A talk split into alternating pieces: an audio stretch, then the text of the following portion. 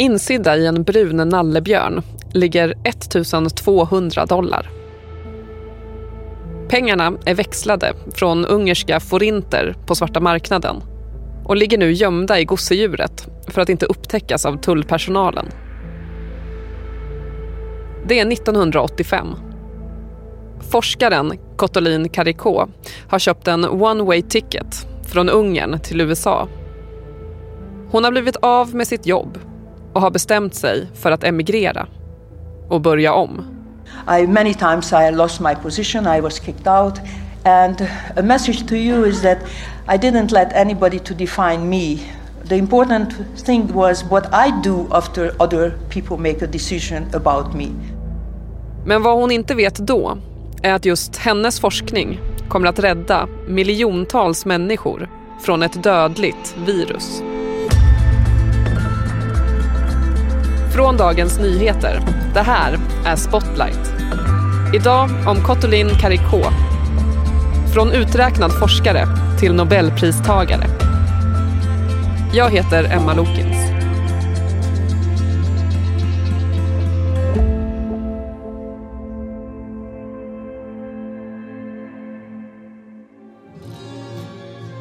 Ungern, 60-tal. Kotolin Karikó växer upp i ett hus som saknar både rinnande vatten och kylskåp. Och hon ser en tv för första gången när hon är tio år. En dag så tar hennes biologilärare med sig ett mikroskop in i klassrummet. När hon sitter i bänkraden på biologilektionen så blir hon förundrad över hur mycket hennes lärare vet om världen. Och som tonåring så bestämmer hon sig eh, för att bli forskare. Anna Bratt, du är medicinreporter här på DN. Hur börjar Kottolin Karikó sin resa mot att bli forskare? Hon läste biologi vid universitetet i Seger i Ungern. Och sen så doktorerade hon i biokemi 1982. Och hon blev tidigt intresserad av RNA-forskning. Och hon fick möjligheten att jobba vid sidan av en banbrytande RNA-forskare i Ungern. Och med tiden, ja man kan nog säga att hon blir nästan besatt av att hitta sätt att använda RNA i medicinsk behandling. Nu kanske vi ska förklara vad RNA är. RNA är en molekyl som styr hur proteiner bildas i våra celler. Och det finns flera varianter. En av dem är mRNA, eller budbärar-RNA från engelskans messenger RNA. Den är då, precis som det låter, en budbärare. Vad den gör är att den flyttar information som finns lagrad i vår arvsmassa till cellerna så att de börjar producera proteiner. 1982 blir Kottolin Karikó klar med sin doktorsavhandling. Hon har studerat hur mRNA skulle kunna användas för att hjälpa kroppen att bekämpa virus. Och samtidigt får hon och hennes man sitt första barn. Kotolin hade ju lite tur i det sammanhanget här därför att barnomsorgen i Ungern var väldigt utbyggd. Eh, så hon, eh, det var det som på något sätt räddade henne, att hon kunde fortsätta med sin forskning och inte eh, stanna hemma med sitt barn. Alltså hon verkar ha varit en en otroligt engagerad forskare. Hon har berättat hur, hur hon jobbade hela dagar, helgerna, kvällar. Och hennes man har tydligen räknat ut att timpenningen, om man räknar ut den för henne, så skulle den motsvara ungefär en dollar i timmen. Hon har också sagt att, eh, att gå till jobbet och gå till labbänken, det var liksom inget ett jobb för henne. Det var, bara, det var ett, nästan som ett nöje. För henne har ju drivkraften helt klart varit att hon vill ta fram en produkt eller en behandling som man har nytta av. Och det ska vara, bygga då på RNA-teknik förstås. Men hon, hon, verkar vara en väldigt ödmjuk person och i intervjuer så har hon sagt att nej, hon har inte forskat för att få pris. Men trots den här glädjen går det trögt. Och labbet hon jobbar på blir av med finansieringen. Vilket gör det svårt att fortsätta med forskningen. Kottolin Karikó förstår att det inte finns någon framtid för hennes forskning i Ungern. Samtidigt görs stora framsteg inom RNA-forskning på andra sidan Atlanten. Hon inser att hon måste till USA. I 1980-talets Ungern finns en övre gräns för hur mycket utländsk valuta man får växla till sig. Omkring 50 amerikanska dollar. Men det behövs mer än så för att familjen ska kunna starta om i ett nytt land. De säljer bilen och växlar pengarna på svarta marknaden. Det är nu Kotolin Karikó smugglar familjens besparingar över gränsen i sin dotters bruna nallebjörn. We were happy in Hungary and we never wanted to come to America but eventually we uh, you know I losing my position so I went and we came to America.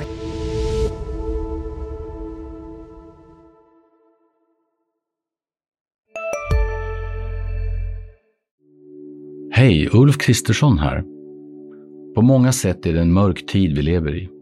Men nu tar vi ett stort steg för att göra Sverige till en tryggare och säkrare plats. Sverige är nu medlem i Nato. En för alla, alla för en. Har du också valt att bli egen? Då är det viktigt att skaffa en bra företagsförsäkring. Hos oss är alla småföretag stora och inga frågor för små. Swedeas företagsförsäkring är anpassad för mindre företag och täcker även sånt som din hemförsäkring inte täcker. Gå in på swedea.se företag och jämför själv. Väl i USA så hamnar hon i Philadelphia. Men ganska snabbt blir den amerikanska drömmen en mardröm. Kotolin Karikó hamnar i konflikt med en chef som försöker få henne deporterad tillbaka till Ungern. Hon fick gå samman med eller få jobba för olika professorer i olika forskningsprojekt. Så hon har berättat om hur hon får hoppa från liksom, ja, professor till professor helt enkelt för att på så sätt eh, få vara en del av, av hans finansiering. Efter tio år i USA ställs hon inför ett ultimatum av sina chefer på universitetet hon jobbar på. Antingen sluta med sin forskning eller acceptera en sämre position med sämre lön. Hon bestämmer sig för att stanna på universitetet och accepterar förudmjukelsen i att bli degraderad. Men beslutet att stanna ska komma att förändra hennes liv. Det är slutet av 90-talet på University of Pennsylvania. Kottolin Karikó är nu 44 år och letar efter en ny plats på universitetet och hoppas kunna arbeta tillsammans med en forskare. Vid en kopiator på avdelningen för medicin stöter hon på en forskare som heter Drew Weissman. Han är immunolog och hans mål är att ta fram ett vaccin mot HIV. De två forskarna möts där av en slump framför den här långsamma skrivaren som står och tuggar och tuggar. Och hon berättar för honom att, att hon är en RNA-forskare. Hon kan göra vad som helst med RNA. Och då frågar han henne, jaha, kan du göra ett HIV-vaccin? Det var det han höll på med. Och då har hon sagt, ja visst, visst kan jag det. Så hon hade ju kunskaperna om RNA och han var inriktad på vaccin. Och nu så bestämde de sig för att de borde testa att jobba tillsammans. Och det har beskrivits att hon är lite av hjärnan eller drivkraften bakom det här. Men hon behövde hans kunskaper om vaccin. Så vad är det Kottolin Kadeko och Drew Weissman gör när de börjar forska ihop? Ja, de vill ta fram en modell för hur man ska få fram ett vaccin som fungerar då mot flera olika sjukdomar. Och de försöker då framförallt att lösa ett problem. Och det är att det här konstgjorda mRNA som då används i de här försöken, det sätter igång en ganska svår inflammation hos försöksdjuren. Och den kan man inte förklara. Och det här försökte de då hitta en lösning på till en början. Men det här arbetet är inte enkelt. De misslyckas med flera experiment och de kommer fram till den ena återvändsgränden efter den andra. Kottolin Karikó är fortfarande övertygad om att RNA är nyckeln till något stort inom medicinska behandlingar. Nu har hon fått med sig Drew Weissman i sin kamp. Men få andra forskare tror på deras idéer och det är fortfarande svårt att få pengar till forskningen. Men Karikó och Weissman de vägrar ge upp. Och så 2005 då, då kommer ju äntligen genombrottet. Då lyckas Karikó Weissman göra ändringar i själva RNA-molekylen. Och det, den själva ändringen gör att det inte blir någon inflammation i kroppen. Men fortfarande vill ingen av de här tyngre vetenskapliga tidskrifterna publicera den här studien med deras resultat. Men till slut så publiceras den i en tidskrift och Weissman har berättat hur de då förbereder sig för att bli nerringda. Men det händer ingenting. Telefonen fortsätter att stå där tyst. Men ett litet privat läkemedelsföretag i Tyskland, Biontech, ser potentialen och ger dem chansen som de länge har väntat på. Tyska Biontech är villiga att satsa pengar på forskning som rör budbärar-RNA för att utveckla mediciner. Nästan 30 år efter att Kotolin Cadico sålt allt och lämnat Ungern för att få bättre möjligheter i USA återvänder hon nu till Europa för att kunna fortsätta samma resa. Och om bara några år så kommer hennes och Wisemans arbete att hamna i strålkastarljuset.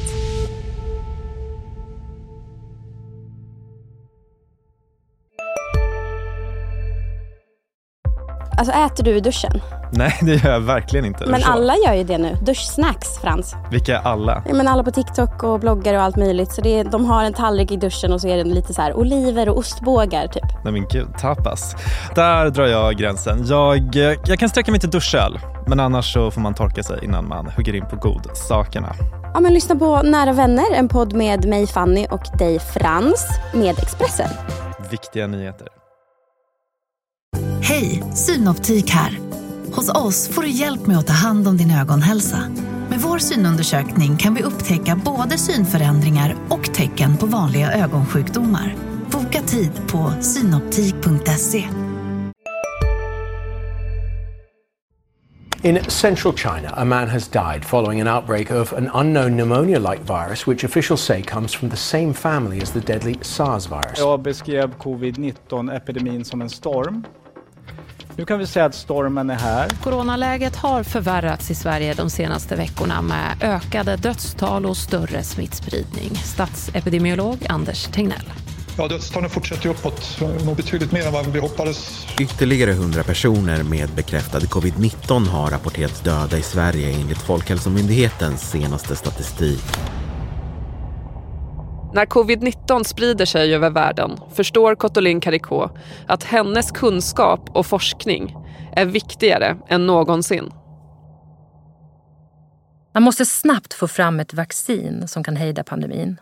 Men det finns ju inga vaccin mot coronavirus och problemet är ju att det tar flera år för att ta fram ett nytt vaccin. Och det är inget bra utgångsläge. Anna, varför är det just Caricos forskning som kan lösa vaccinfrågan? Jo, i vaccin så använder man budbärar-RNA för att föra över koden, eller ja, ritningarna för hur cellen ska tillverka virusprotein som kroppen sen kan reagera på och skapa ett immunskydd. Så man kan säga att tack vare vaccinet så får kroppen så att säga ett försprång mot en virusinfektion. Kariko och Weissman de hade ju redan 15 år tidigare knäckt koden för hur mRNA kan användas i behandlingar som vaccin. Så tekniken den fanns ju redan där. Och så fort man hade kartlagt det här coronaviruset så tog det faktiskt bara sex veckor innan ett vaccin var klart att börja användas, att börja testas kan man säga. Och en fördel med det här eh, mRNA-vaccinet är ju att det går väldigt snabbt att ändra på molekylerna. Så att de kan uppdateras fort när det kommer nya virusvarianter och dessutom så kan det produceras snabbt i stor skala. Så det här arbetet då, det går i rekordfart. In our battle against the virus, help is on its way. Today is a triumph for all those who believe in science, a triumph for ingenuity, a triumph for humanity, and I want to thank everyone who's played their part in this achievement. The team at Pfizer, the team of scientists at BioNTech. Redan i november 2020 är de första resultaten klara från försöket med Pfizer-Biontechs mRNA-vaccin. Och en månad senare startar massvaccineringen över hela världen. I knew actually always that the vaccines will be so powerful because together with my colleagues back in the University of Pennsylvania also we could see whatever vaccine we were making and testing out animals it was everything was so good I knew that it would be happened quickly and it can be done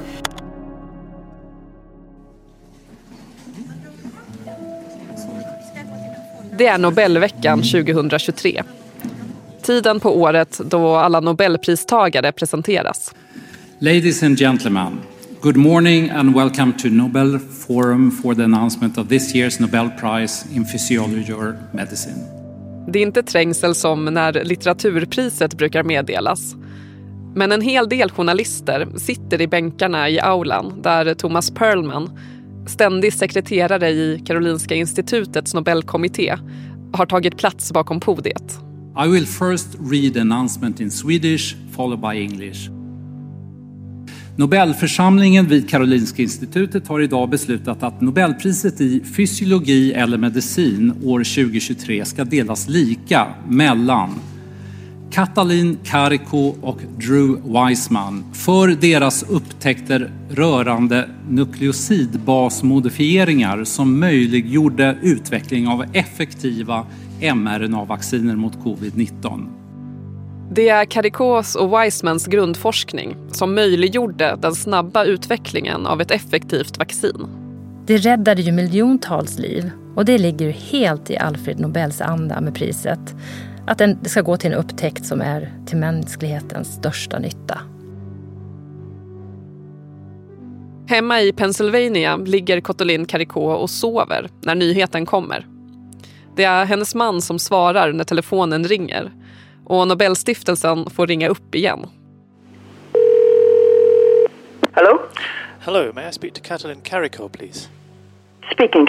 Oh, hello, this is Adam Smith calling from Nobel Prize. Oh, yes, Ada. Okay. Yes. Many congratulations on the award of the Nobel Prize. Thank you. Thank you very much. Where are you and how did you hear the news? I, I was uh, sleeping. Det blir en hektisk dag. Telefonen i Pennsylvania går varm hos forskaren vars idéer få trodde på. Nu avlöser intervjuerna varandra. Did you do anything special to celebrate? Not really. I was so tired. that- Come on, not even a single glass of champagne or anything? Uh, yeah, we we drank yeah a little Hungarian wine.